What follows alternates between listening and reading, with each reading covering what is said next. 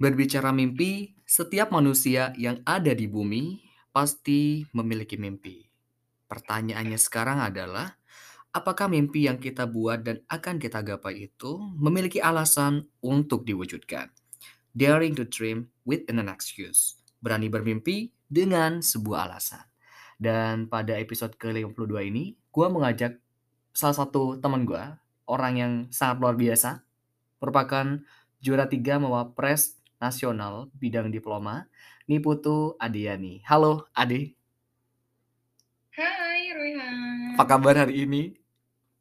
Yes, of course. Baik-baik aja. How are you? I am fine. Seneng ini banget. Ada di mana nih? Gue seneng banget. Gue seneng banget ketemu sama lu hari ini di satu prank podcast. And then, ya. semoga Iya. kita bisa. Amin, alhamdulillah. Padahal padahal yang harusnya seneng tuh gua ya. Bayangkan ya, juara tiga Mawapres Nasional main ke podcast gua. Bayarannya mahal ya, Kak ya? Duh, bukan lagi ya, Kak. Mahal banget. Ini yang lainnya tuh ya budgetnya nih bisa dikatakan tiga kalinya ya. Bayangkan untuk Anjir. Apa ya? Gak apa-apa, di podcast gue ngomong kayak gitu tuh tidak ada masalah ya, tidak ada masalah. Karena tidak akan yang memidanakan kita ya nanti ya.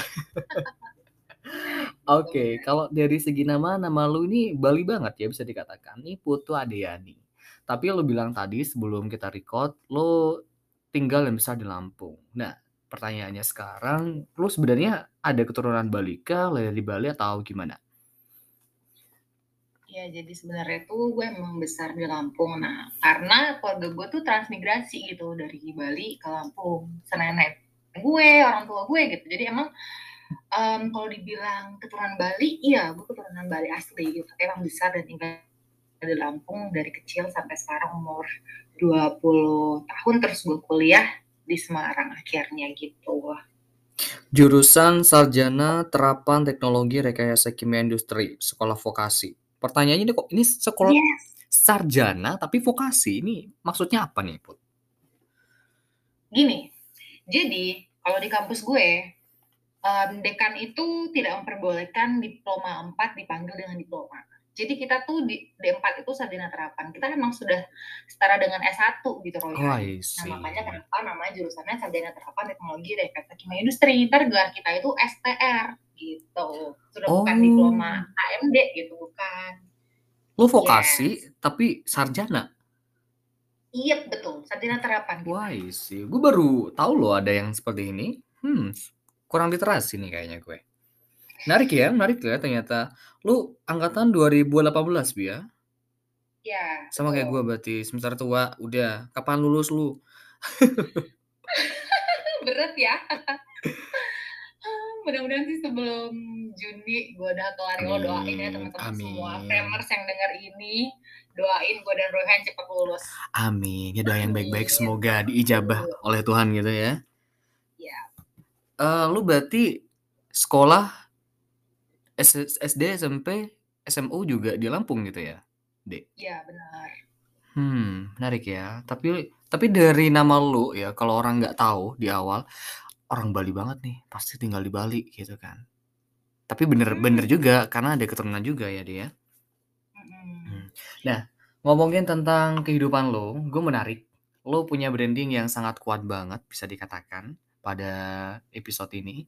Lo juara tiga Mawapres Nasional, diploma, juara tiga lo. Lo bisa mengalahkan banyak banget, ratusan orang. Gimana perasaan lo? Sebelumnya gue mau ngucapin terima kasih banget lu udah muji gue kayak yang gue tuh wah banget gitu Padahal enggak teman-teman ya.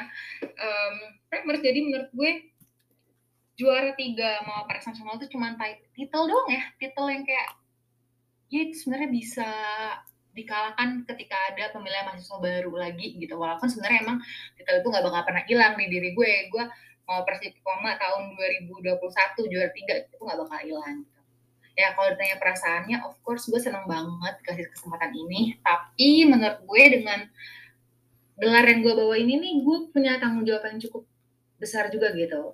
Gue harus um, jadi representatif yang baik untuk kampus gue, untuk orang-orang sekitar gue gitu kan. Jadi ya gue enjoy aja. Gitu. Pengen jadi mawapres itu desakan orang kah atau keinginan diri sendiri, Dek? Jadi gini, um, awalnya tuh gue emang gak pengen jadi mawapres, be honest gitu. Nah, tapi memang ada sosok orang yang uh, buat gue kayak role, role model gitu. Karena pas banget cutting gue, satu tingkat atas gue tuh dia mawapres nasional gitu, dia peringkat tujuh gitu. Hmm. Nah, beliau-beliau itu yang buat gue mikir kayak gila keren banget jadi mawapres ya gitu. Nah, tapi pada saat itu gue gak pengen jadi mawapresnya. Gue hanya ingin menjadi seseorang yang um, aktif gitu loh.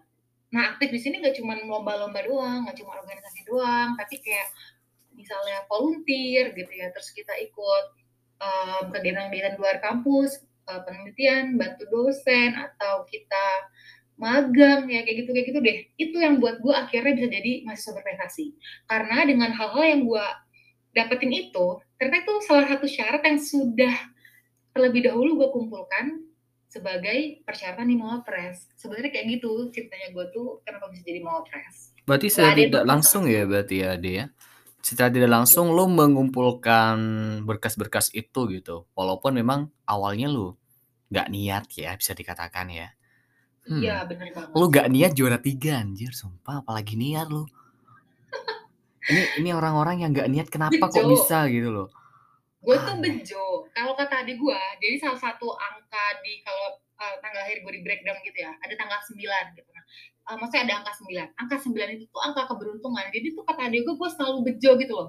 Kalau misalnya gue Hmm. ngelakuin apa tuh, um, pembawa keberuntungan aja gitu. Nah, jadi mungkin salah satunya adalah ini, Mawapres, bejo. I Gue bejo, tenang itu. Kehidupan lu berubah setelah menjadi juara tiga Mawapres kah atau sama seperti sebelumnya? Hmm, gimana ya?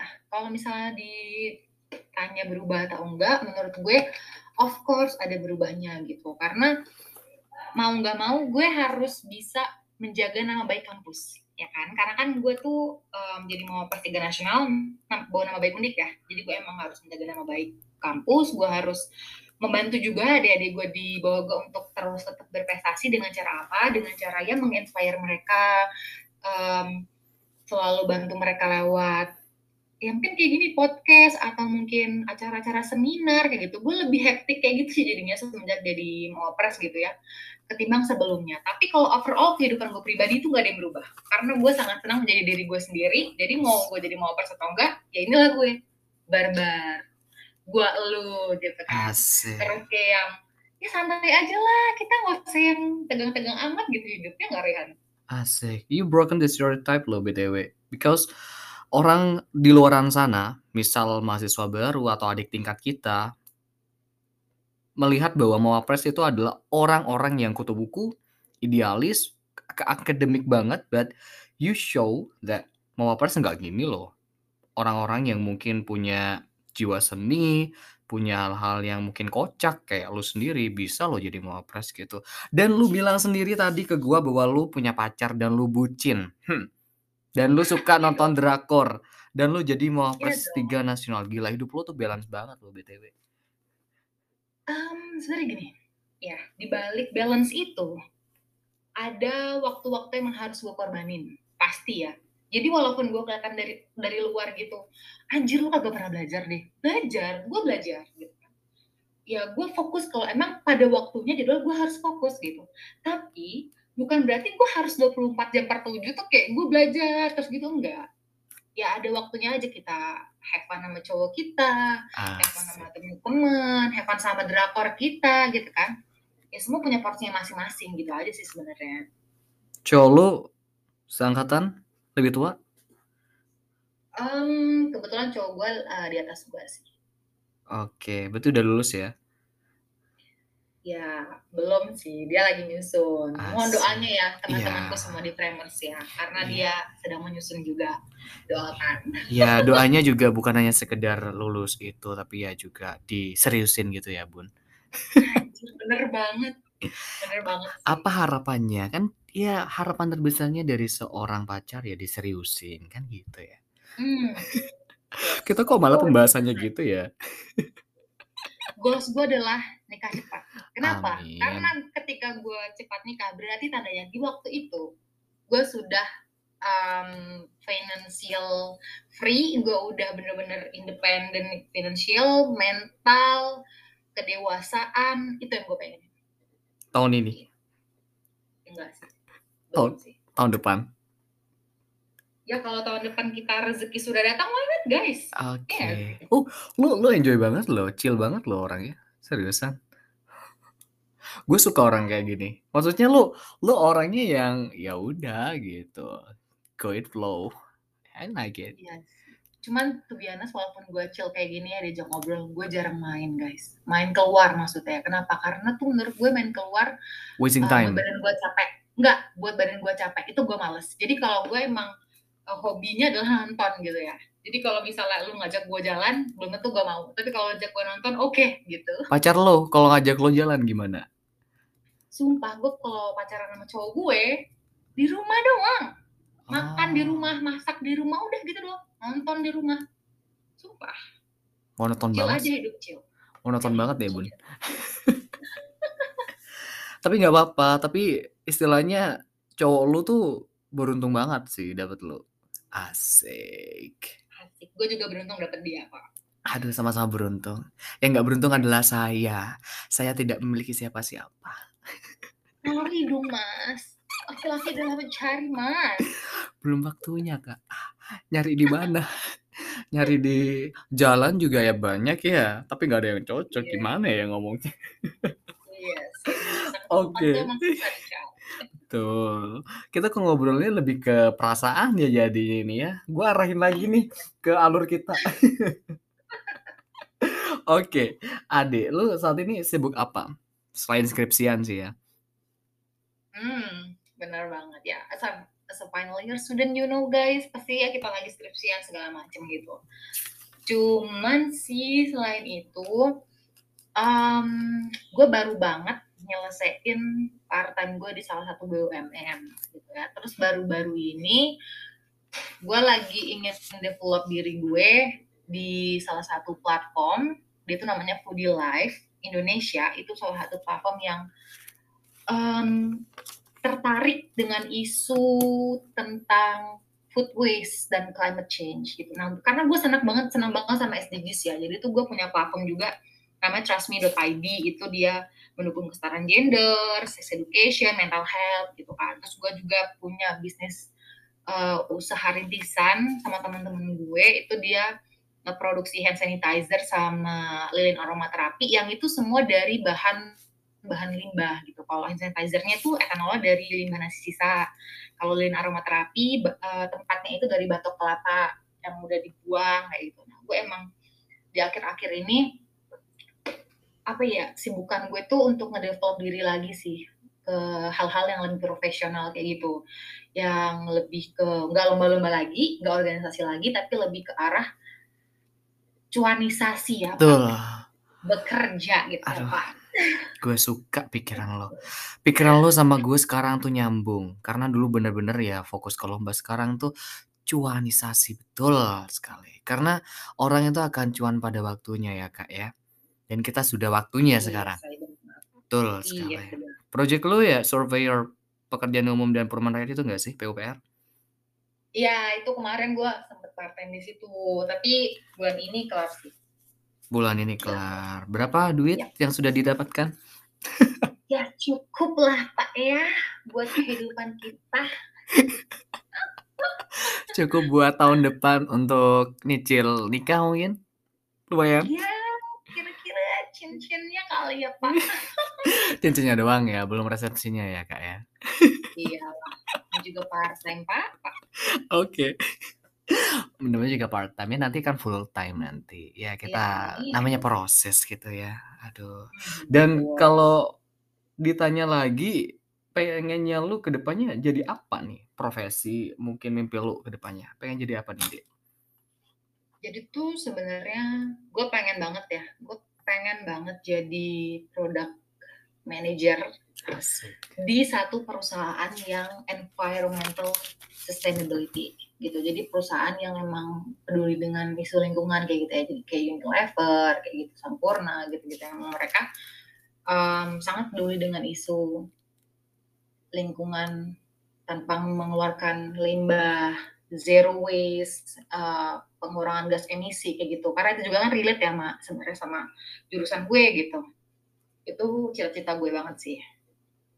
Wow.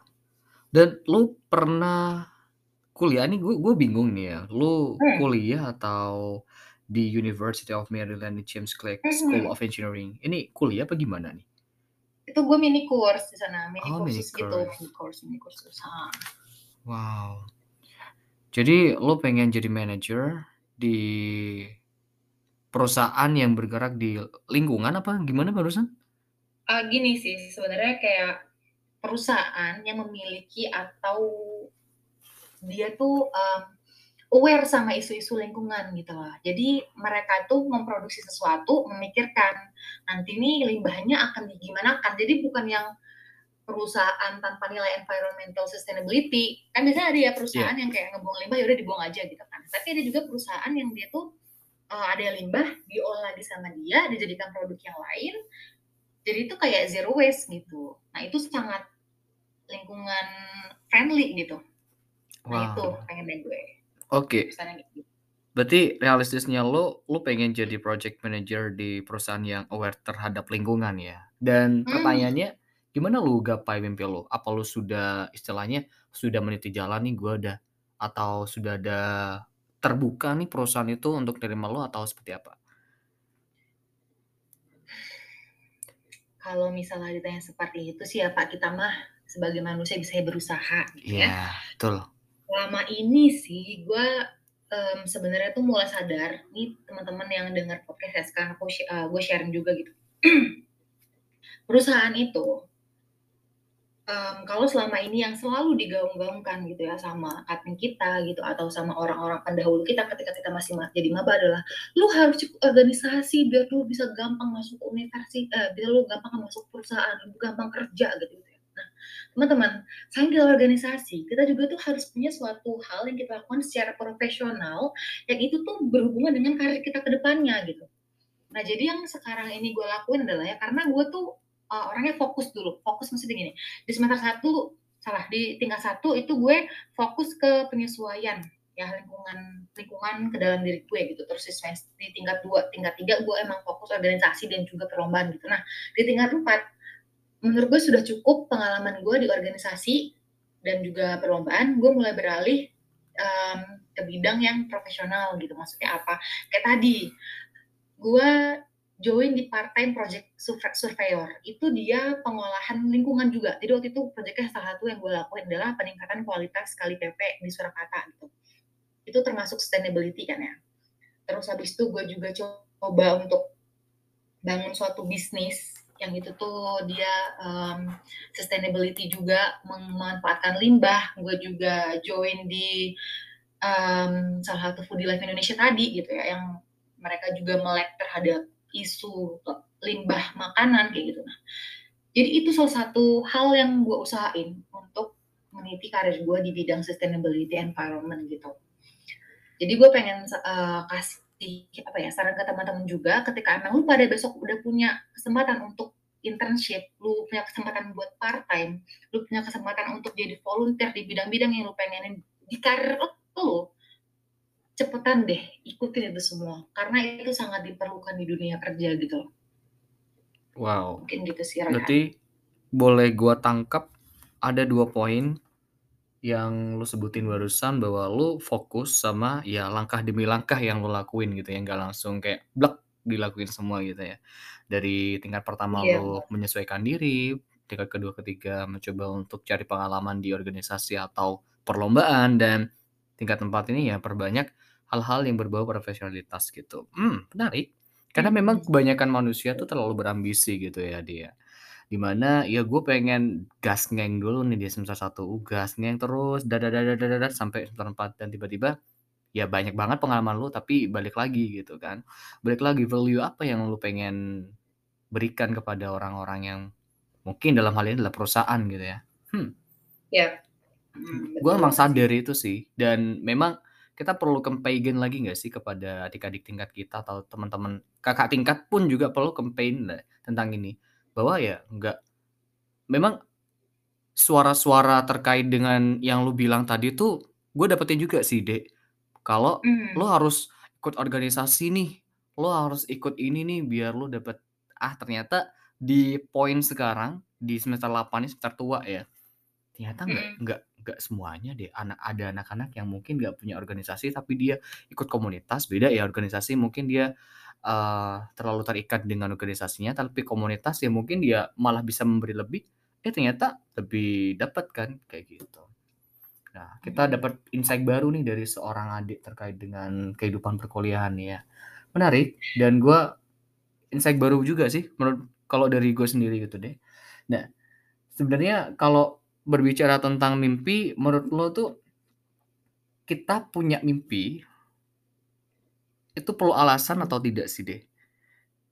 Atau kita melihat penyesuaian diri dengan keadaan kita saat ini? Contoh nih ya, gue ngasih contoh mungkin keadaan ekonomi kita tidak memungkinkan, ya udah gue memaksakan diri aja jadi itu gitu, atau ya udah gue pengen itu, seidealis itu gitu loh, Dek. Karena gue suka seni, gue pengen di sana gitu. Padahal kebutuhan lu adalah lu lu harus praktis gitu, bukan di seninya gitu. Oke. Menurut gue mimpi itu perlu alasan gitu ya, perlu banget alasan. Kenapa? Karena alasan itu yang bisa buat kita tuh fokus mengejar mimpi kita gitu. Nah, tapi memang betul, di selama perjalanan kita menggapai mimpi kita, belum tentu semua jalan tuh mulus. Banyak yang harus kita lewatin ya, kadangan yang, oh tiba-tiba, mmm, gue harusnya ikut les ini, tapi gue nggak bisa karena keuangan keluarga gue menurun karena Covid gitu, kita nggak tahu. Oh gue seharusnya tahun kemarin tuh eee, ke luar negeri gitu ya, ke Rusia, tapi ternyata Covid gue jadi nggak bisa gitu kan. Banyak banget gitu hal-hal yang bisa menghambat mimpi kita gitu. Nah jadi, menurut gue mimpi perlu alasan, tapi cara menggapainya itulah yang harus lebih fleksibel. Kita yang harus bisa lebih menyesuaikan keadaan gitu loh. Keadaan kita gimana sekarang, ya begitulah kita harus menyesuaikannya. Karena sebenarnya orang yang bakal survive di akhir zaman adalah orang yang bisa, mmm, eee, fleksibel, ya nggak sih? Orang yang bisa menyesuaikan keadaan gitu. Menurut gue sih kayak gitu sih simpelnya. Berarti sekarang akhir zaman berarti ya, Dek? Bentar lagi akhir zaman kayaknya. Aduh. Duh jangan ya, jangan sampai jangan sampai Belum nikah loh. Ya sampai Tuhanku bisa nguji. Eh, gue belum punya anak loh. Lo lo harus nikah dulu lah, seenggaknya lo bisa Enggak. lihat cucu lo lah ya, minimal. Barulah, hancurkanlah bumi ini Tuhan gitu katanya, ya Allah, jangan jangan sampai ya Allah, gitu lah. Aduh, kok Jangan mikirnya sudah ke gitu. situ. Lagian lo sih ngomongnya akhir zaman. Di umur dewasa ini gitu kali ya, enaknya Nah ya, iya, hmm. kira-kira semua. Oke, lo adalah orang yang menarik kalau diajak ngobrol sih, salah satu orang yang ajak yang menarik untuk diajak ngobrol sepertinya. Dan gue pengen balik lagi ke cerita lo yang Mawapres tadi nih ya, gue kayaknya Mhm. setiap orang yang gue ajak dan dia Mawapres tuh punya cerita sendiri gitu kan, untuk menjadi Mawapres. Mhm. Nah, lo berasal dari mohon maaf, kota atau desa di Lampung? SMA 1 Kota Gajah Desa. ini desa ya? Dan Desa. sekarang kuliah di Semarang, Universitas Diponegoro gitu. Di mana Iya. anak desa biasanya tuh bermimpinya kuat-kuat gak sih dibandingkan anak kota? Itu itu adalah hal yang gue temui sih ya, ini ini relatif dari gue sendiri. Nah, menurut lo sendiri gitu, ketika kita dari desa dan sekarang sudah di kota, sebenarnya idealisme apa yang sebenarnya lo bawa sampai sejauh ini?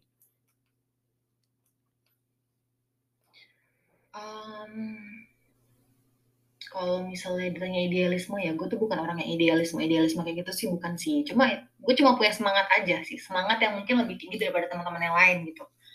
Maksudnya apa? Soalnya to be honest ya, mmm, kalau gue boleh cerita, bokap gue itu ninggal bokap gue yang kandung ninggal waktu gue kelas 6 SD. Nah, Mmm. di situ gue ngerasa banget perjuangan menjadi anak pertama, Mmm. yang mana orang tua gue tuh ibu gue ya, terutama ibu gue tuh harus berjuang ngehidupin gue sampai gue kuliah gitu kan. Itu yang bisa gue bawa selama ini adalah semangat aja sih, semangat kayak bokap gue pengen banget gue S2, pengen banget S2. Dia pengen banget kalau gue S2. Nah, untuk mencapai S2 itu menurut gue, gue emang harus terus pertama semangat, yang kedua fokus, dan yang ketiga tuh tertata gitu. Nah, jadi makanya itu gimana gue sampai di Semarang akhirnya, karena gue pikir ketika gue ingin mengepakkan sayap gue lebih tinggi ya, lebih lebar, gue harus develop diri gue ke tempat yang lebih lebar dan lebih bagus juga gitu.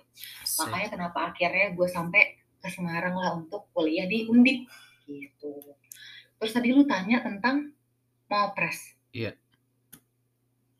Kalau idealis gue tentang Mawapres, sama gue nggak punya idealis kayak gitu ya, tapi yang gue lakuin adalah intinya teman-teman ya, ketika lu pengen menjadi seseorang yang berbeda dari yang lain, lu tuh harus tekun. Karena mentor gue, gue ada salah satu mentor di tempat kerja gue dulu, dia bilang, Indonesia itu nggak kekurangan orang rajin gitu, tapi kekurangan orang yang tekun. Ketika lu rajin dan tekun, lu pasti jadi seseorang yang berbeda dari yang lain gitu. Karena ketekunan itu yang paling susah sekali diterapkan gitu. Melakukan hal-hal yang sama berulang kali dan konsisten gitu kan. Itu yang gue terapin kemarin sampai gue akhirnya jadi masuk prestasi. Gue tekun aja ngikutin kegiatan yang emang uh, ada di saat itu gitu kayak gue organisasi ya gue organisasi dengan baik.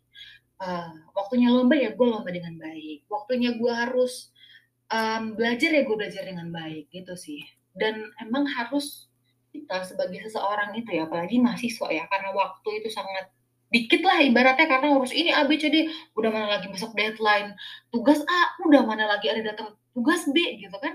Kita harus benar-benar pintar bagi waktu sih. Bagi waktu itu yang menurut gue susah banget menjadi seorang maba gitu kan. Nah dari mulai situ gue coba terus belajar untuk manajemen waktu gue dengan baik. Nah, sampai pada akhirnya makanya kenapa gue masih bisa main, gue masih bisa nonton film, gue masih bisa pacaran, gue masih bisa lomba, gue masih bisa organisasi. Karena itu manajemen waktu yang uh, terus menerus dilakukan dengan baik. Mungkin itu sih. Wow. Gue di luar ekspektasi gue nih ya jawabannya ya. Pantas banget ya Pak Pak Nadine ngasih lo juara tiga ya kayaknya. bejo, dibilang bejo. Eh, bejonya tuh kayak peluangnya kecil gitu loh, Bre. Lo kan berapa ratus orang dan lo juara tiga tuh nggak ada kata-kata bejo. Ada salah satu orang bilang ke gue nggak ada kata-kata bejo dalam hidup ini. Kok bisa? Serius? Ya karena karena dalam bejo itu ya Tuhan udah ngasih ke lo tuh bukan bejo, tapi udah nasib lo seperti itu. Iya. Gitu. Ya, gue, Berarti gue lo bisa. Hmm, dan lo dengan kata-kata lo barusan itu ngeyakinin gue, oh berarti Pak Mas Nadim ini nggak salah ngasih lo juara tiga. Hmm. Oke. Thank you. Oke. Oke, pengen tahu lebih jauh tentang ceritanya Ade dengan topik kita terkait dengan mimpinya. Kita tunggu setelah pesan-pesan berikut ini.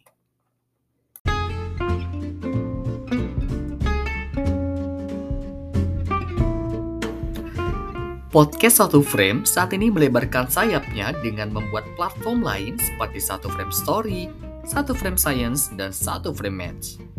Buat para framer yang ingin merchandise gelang tali yang unik dan handmade, bisa banget cek langsung di IG Satu Frame Match.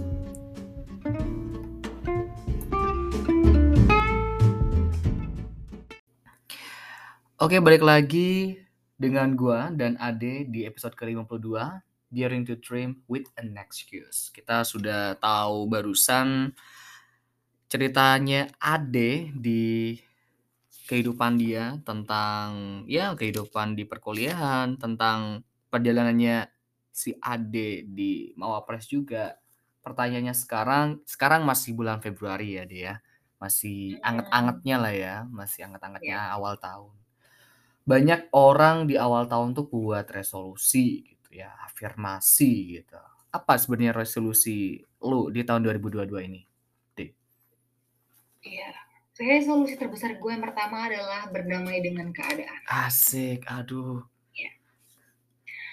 Karena tuh kalau lu sadar ya makin kita tua makin banyak kayak uh, orang-orang lain yang punya pencapaian baru A, B, C, D dan itu bisa buat stres gitu. Secure nah, ya, gimana Bun? cara kita uh, gimana cara kita buat berdamai dengan itu atau bisa biasa dengan itu ya berdamai dengan keadaan. Semua orang punya proses ya, bener nggak Pak?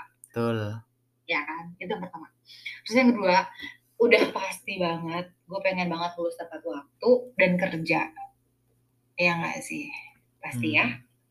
Terus yang ketiga, di tahun ini gue pengen banget nyekolahin adik gue. Itu sih resolusi gue Wow. di 2022 ini.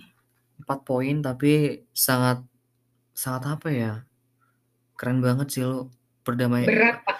berat berat Berat, dan berat dan keren sih. Karena ini poin pertama.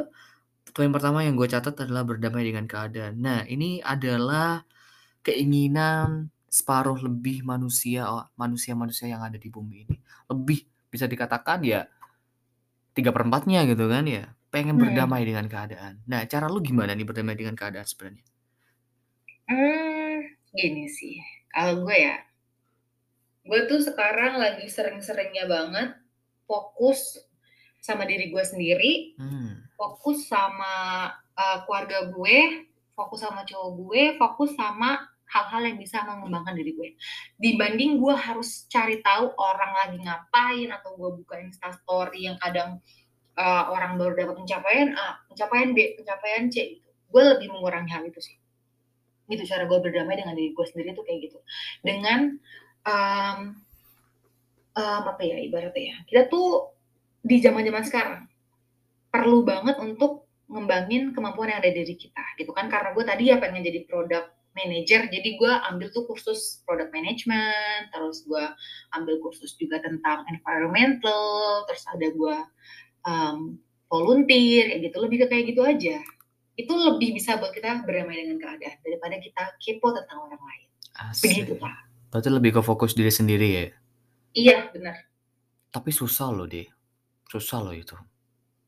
Beneran nih. Maksudnya tuh, eee, oke kita bisa bilang kita fokus sama diri sendiri, tapi banyak orang di luaran sana, mungkin lu sebelumnya dan gue sebelumnya juga sama gitu, untuk fokus sama diri sendiri Mmm. tuh kan sesusah itu. Karena dengan keadaan saat ini online, platform digital juga banyak, sosial media menyuguhkan banyak hal yang mungkin membuat kita tidak bersyukur tentang hidup kita sendiri gitu kan, malah insecure gitu. Banyak banyak seperti banget. itu, banyak banget gitu kan. Dan ketika kita bilang fokus sama diri sendiri itu, oke sehari, 2 hari bisa gitu loh.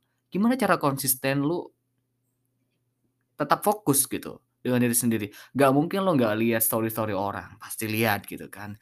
Ada perasaan, "Aduh dia udah seperti ini nih, aduh dia kida dia udah kuliah di luar negeri nih, aduh dia udah Mhm. lulus nih," gitu kan. Pasti. Mhm. Gimana cara lu konsisten, lu tetap fokus dengan diri lu sendiri gitu loh, Dek? Mmm, gue nggak tahu kenapa ya, tapi mungkin ini bawaan diri gue sendiri, gue emang dasar orangnya tuh kalau udah fokus, ya gue bodo amat sama yang lain, gue bisa tutup telinga, bisa tutup mata sama kegiatan yang orang lain lakukan gitu. Nah tapi, mungkin gue bisa kasih tips ya buat teman-teman semua gimana caranya untuk fokus sama diri sendiri gitu ya. Lu nggak bakalan pernah bisa berhenti membandingkan diri lu sama diri orang lain gitu. Nah jadi ketika lu emang melihat, mmm, pencapaian orang ya di sosial media gitu, hal yang perlu lu lakukan adalah lu bahagia gitu, lu harus bahagia. Kenapa bahagia? Lu harus ngomong kayak gini sama diri lu sendiri, "Oh alhamdulillah ya, ya Allah temen gue udah keterima di sini. Oh Astungkara ya, ternyata dia sekarang udah nikah, ternyata dia sudah tunangan," gitu. Nah jadi cara kita untuk berdamai dengan diri kita sendiri dan juga berdamai dengan teman teman kita adalah bahagia juga dengan pencapaian yang mereka miliki gitu. Jadi jangan malah pencapaian yang mereka dapetin itu buat kita kayak, "Anjir lah, kok dia udah ke Belanda ya? Kok gue masih aja di sini nyusun skripsi, dosen pembimbing gue nggak balas-balas chat," gitu. Nah menurut gue kayak gitu sih, kita harus mulai berbahagia dengan orang lain, karena bahagia itu menimbulkan vibe yang positif gitu, menyebarkan positivity ke dalam diri kita, itu juga bisa membuat nge-boost mood kita di hari itu, kayak gitu. Menurut gue sih gitu sih. Gila, lu dap gue dapetin poin yang luar biasa loh dari lu ini. Gue gue sering denger ini, tapi gue sering lupa juga. Dan mungkin para framer di rumah sering dengar poin yang lu katakan barusan bahwa banyak ketika disuguhkan pencapaian orang lain gitu kan, orang lain dapat ini, dapat itu, kita terlalu ngedumel gitu nggak sih, Dek? Mhm, "Aduh, banget, dia sudah di sini nih, aduh gue masih belum apa-apa nih, aduh," gitu kan kadang gitu. Eee, ternyata Mhm. dengan tips yang lu barus barusan bilang itu harus mencoba try to happy mungkin ya, mencoba aja dulu gitu kan, walaupun Iya ya bener. s fake smile nggak apa-apa lah dulu ya, coba aja. Nah mungkin bener bener banget karena karena gue pernah gue pernah itu temen gue itu karena temen banget ya, dia pencapaiannya udah keren ini dan, Mhm. eee, apa namanya, jadi TNI lah. Padahal itu kan, itu bukan jalan gue ya. Padahal kalau gue Iya. jadi TN pengen jadi TNI juga mungkin gue iri. Tapi gue enggak, karena itu bukan jalan gue. Gue bahagia dengan Mmm. itu. Ternyata gue seneng juga ya, gitu loh. Iya, Temen bener gue yang menang ini karena dia adik tingkat gue gitu kan, yang gue giring, ternyata gue bahagia, eh ternyata gue bahagia juga gitu loh. Ternyata bener banget ya, banget. ketika kita mencoba untuk fokus dan mungkin, ya sabodo teuing mah gitu kan, orang orang Sunda ngomong ya, sabodo teuing mah, orang lain ngomong apa gitu kan, dapat apa, gue yang penting bahagia dengan pencapaian mereka, eh kita malah ikut bahagia. Hmm, menarik sih. Insight-nya banyak banget ya dapet dari lo ya. Padahal sederhana banget nggak sih ini? Sederhana tapi orang lain nggak tahu gitu loh ya, dia. Masih orang belum tahu gitu. Oh. Kadang gue lagi ngisi, kadang gue lagi ngisi podcast, seminar gitu ya. Justru emang di situ loh gue dapet insight baru tau Rayhan. Karena tuh kadang kan pikiran-pikiran orang lain, itu tuh di luar ekspektasi kita kan. Mhm. Karena emang kadang butuh banget untuk tukar pikiran sih. Kan gitu. Tukar pikiran. Yuk tuker tuker yuk otaknya. Aduh, kalau saya tukar sama Anda kayaknya Anda yang ini ya, yang rugi ya, Bun. Enggak lah, gila lu juga keren kali. Oke, sering kita dengarkan di luaran sana, masyarakat bilang atau orang-orang yang dekat sama kita, "Lu jangan terlalu idealis, realistis Mhm. dikit lah. Kalau terlalu idealis itu nggak makan." Itu orang-orang di luaran sana sering bilang kayak gitu. Dan dosen gue juga pernah bilang kayak gitu gitu deh. Nah, gue balik lagi tanya ke lu. Lu tipikal orang yang idealis atau realistis pada saat ini atau sebelumnya? Realistis, gue selalu realistis. Wow. Karena karena tuh menurut gue, mmm, gue kapan ya, gue inget-inget bentar. Tapi kayaknya semenjak gue kuliah ya, gue tuh mulai sadar, kayak kalau idealis tuh nggak berarti apa-apa sih. Kalau misalnya pun idealis kita tuh, bener-bener yang idealis bisa buat kita gila gitu, mending lu realistis. Kenapa lu harus realistis? Karena ketika lu realistis, lu bisa menyesuaikan peluang dengan kemampuan yang lu miliki. Lu bisa menyesuaikan keadaan dengan suatu hal yang lu inginkan gitu. Menurut gue lebih kalau gue pribadi lebih milih realistis karena gitu. Karena gue tuh adalah orang yang nggak mau nyanyain nilai dari kemampuan yang udah gue punya gitu. Jadi mending gue realistis aja lah udah hidup gitu. Kayak gitu sih. Oke. Lu chill gimana, banget sih. Kalau gue, gue mah Mhm. dulu idealis, tapi skala sekarang pertengahan tahun 2021 gue realistis banget. Kayaknya mer merasa ini nggak sih, apa, ketika kita idealis terlalu banyak pikiran di dalam otak gitu. Gua Iya. gimana ya, ngomongnya tuh nggak bisa diungkapkan dan terlalu banyak hal-hal, nilai-nilai yang mungkin "Gue nggak boleh ini nih gue nggak boleh ini nih," gitu. Dan itu menyakitkan diri sendiri gitu. Eh, ternyata setelah realistis, gue lebih ngalir aja hidup gitu nggak sih? Iya, karena tuh menurut gue ketika ini nggak tahu ya, mungkin pernyataan gue yang salah atau pikiran gue yang salah, tapi ini selalu ada di otak gue. Ketika kita idealis, kita tuh ingin semua tuh perfect gitu. Yes, betul. Sedangkan tuh kesempurnaan yang milik Tuhan, teman-teman. Gitu Mhm. loh. Semua milik Tuhan. Banyak hal terkadang yang untuk mencapai kesempurnaan itu, banyak kesempatan yang kita tinggalin tau. Betul, betul banget betul banget. Gue sepakat sih. Memang orang-orang kalau masih berpikir idealis itu sebagian besar memang perfeksionis ya. Pengen sempurna gitu ya. Atau ya memang sebatas itulah, tapi balik lagi gitu, idealis itu gue gue mikirnya dulu gini sih, ada mak gue gue mak gue bilang gini dulu ke gue "Uang itu buat semangat," katanya gitu. Waktu gue SD, SMP. Gue nggak gue Mmm. idealis dong gue idealis dong. Mak gue realistis waktu itu kan. "Masa iya uang buat semangat?" Gitu kan ya. Eh, Mhm. tahun lalu coy, pertengahan awal tahun 2021 gue gue gue sepakat dengan mak gue, "Oh ternyata bener ya kata emak gue," gitu, "kalau gue nggak punya duit, gue nggak semangat ternyata ya," gitu. Bener. Iya. Bener Ini contoh simpelnya aja nih gitu. Waduh ternyata nggak boleh idealis banget ya. Oh bolehlah dikit-dikit, tapi jangan kebanyakan, nggak Iya, makan juga bener gitu ya. bener. Bener, bener banget. Oke. Lu umur 22? Iya, Yes, gue betul. 22 juga kurang 22 juga kurang. Oke, di umur kepala 2 ini banyak hal yang terjadi di hidup kita. 2 dekade telah kita lalui gitu kan dan banyak validasi yang diungkapkan oleh orang lain kepada kita sendiri gitu. Banyak kompromi juga yang kita berikan kepada kehidupan kita sendiri, kepada orang lain juga. Nah, pertanyaan gua, buat elu, Ade, dan mungkin para framer di rumah yang lagi dengerin podcast ini, bagaimana menjalani hidup di kepala dua ini menurut lo? Oke.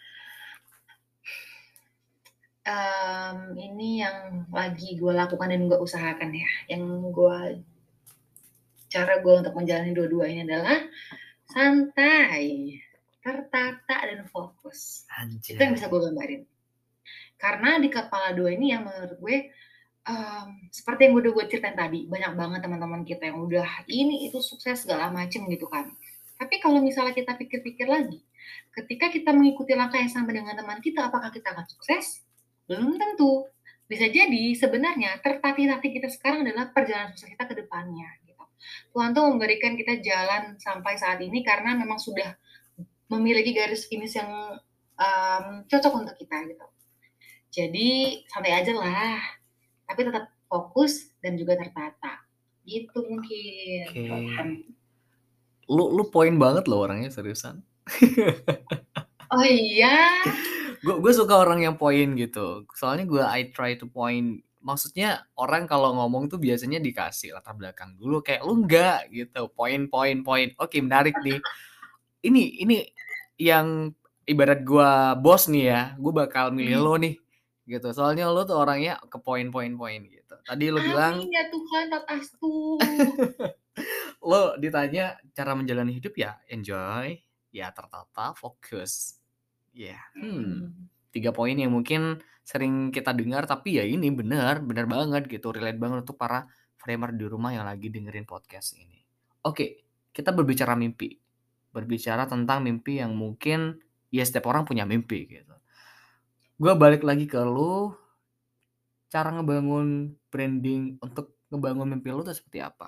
Tadi lu bilang kan pengen jadi project manager gitu. Gimana cara bangun Mhm. branding diri lu untuk ngegapai mimpi lu itu? Mmm, sebenarnya gue juga masih belajar sih ya untuk nge-branding diri sendiri gitu, karena sampai sekarang pun gue belum menemukan, eee, titik akhir dari branding diri gue sendiri gitu. Tapi yang gue lakuin selama ini adalah yang pertama, jangan ikut-ikutan teman-teman, karena ketika lu ngeliat orang lain sukses di A, belum tentu lu sukses di A. Itu yang pertama. Yang kedua, nggak usah peduli kata orang, mau yang lu jalanin tuh aneh sendiri, beda dari orang lain, tapi emang misalnya lu suka dengan hal itu, lakuin aja gitu. Yang ketiga, sebelum lu nge-branding diri lu sendiri, lu harus tahu apa yang lu sukai, kan, apa yang lu inginkan dalam hidup. Ketika lu sudah tahu, baru fokus. Fokus tuh, bangun portofolio sebanyak mungkin di bidang yang lu pengenin, yang lu sukain. Dengan begitu, dengan sendirinya tuh branding lu bakal meningkat gitu, branding lu, nilai diri diri lu sendiri tuh bisa meningkat gitu, ketika lu emang sudah menemukan hal-hal yang ingin lu sukai dan lu fokus mengumpulkan portofolio di bidang tersebut. Itu mungkin. Balik lagi, lu orangnya poin banget loh. Karena mungkin ribet ya kalau bertele-tele, Pak, ya nggak sih, Pak? betul. Iya, Pak. Hmm. Itu, Pak. Gue Lu pengen suka sama belajar. saya, misal nih, Pak, ada cowok suka sama gue, lu suka sama gue, bilang, nggak suka udah pergi aja, Ah. gitu loh ibaratnya. Betul. Iya, gue gue juga gitu sekarang loh, Dek, seriusan. Iya. Aduh, soalnya ada nih, gue gue juga walaupun memang seperti ini, susah gitu loh nemuin orang yang poin poin poin gitu ngomongnya. Kayak masih ada, ya gimana ya, sebagai manusia tuh harusnya gitu, lu enggak, langsung enggak, "Hmm, ini yang gue cari," gitu. Tuh. Ini yang gue cari. Ibarat gue CEO gitu ya, ya aduh ibaratnya gue emang tinggi-tinggi terus ya, ibarat gue CEO, gue milih lu lagi nih. Hmm. Ya amin, semoga lu jadi CEO as Amin. Oke, ya kita berdoa yang baik-baik aja ya. Iya. Oke, kita tidak terasa sudah ngobrol kurang lebih hampir, ya hampir 50 menit gini ya di sini deh. Apa sebenarnya pesan yang bakal lo bagikan untuk para framer, anak muda yang lagi dengerin podcast ini? Oke. Hai framer yang gue nggak tahu lu pada ada di mana saat ini waktu dengerin podcast ini ya. Cuma untuk lu semua yang lagi dengerin podcast ini, gue yakin kalian pasti punya kesulitan masing-masing gitu. Jangan pernah menganggap orang lain lebih beruntung daripada lu. Dengan begitu lu cuman akan sibuk membandingkan diri lu aja gitu dengan setiap pencapaian orang lain. Pesan gue adalah, please ayo fokus terhadap kemampuan dan potensi yang lu miliki gitu. Bangun itu sebaik mungkin, syukuri setiap opportunity yang datang ke lu, dan terus berusaha. Dengan gitu, suatu saat lu bakal menemukan kesuksesan dalam diri lu sendiri. Mungkin itu dari gue. Wow. Nih Putri Adeyani, Mawapres 3 Nasional Diploma. Thank you so much sudah hadir di podcast gue episode ke-52 ini, Daring to Dream with an Excuse. Thank you so much buat kesempatannya, buat waktunya. you, Sangat luar biasa. Sangat luar biasa didatengin oleh juara 3 Mawapres Nasional Diploma. Semoga kita tetap bisa berteman dengan baik ya, Ade ya. Betul, Ren. Gue juga senang temenan sama lu sih. Amin. Thank you so much. Untuk para family di rumah, gue saranin lu harus dengerin podcast ke-52 ini dari awal sampai akhir karena lu bakal dapetin insight baru dari seorang Ade tentang daring to dream with an excuse. Thank you so much. Apabila kita ada kesalahan kata, kita mohon maaf dan see you next episode. Dadah. Thank you Ade. Bye.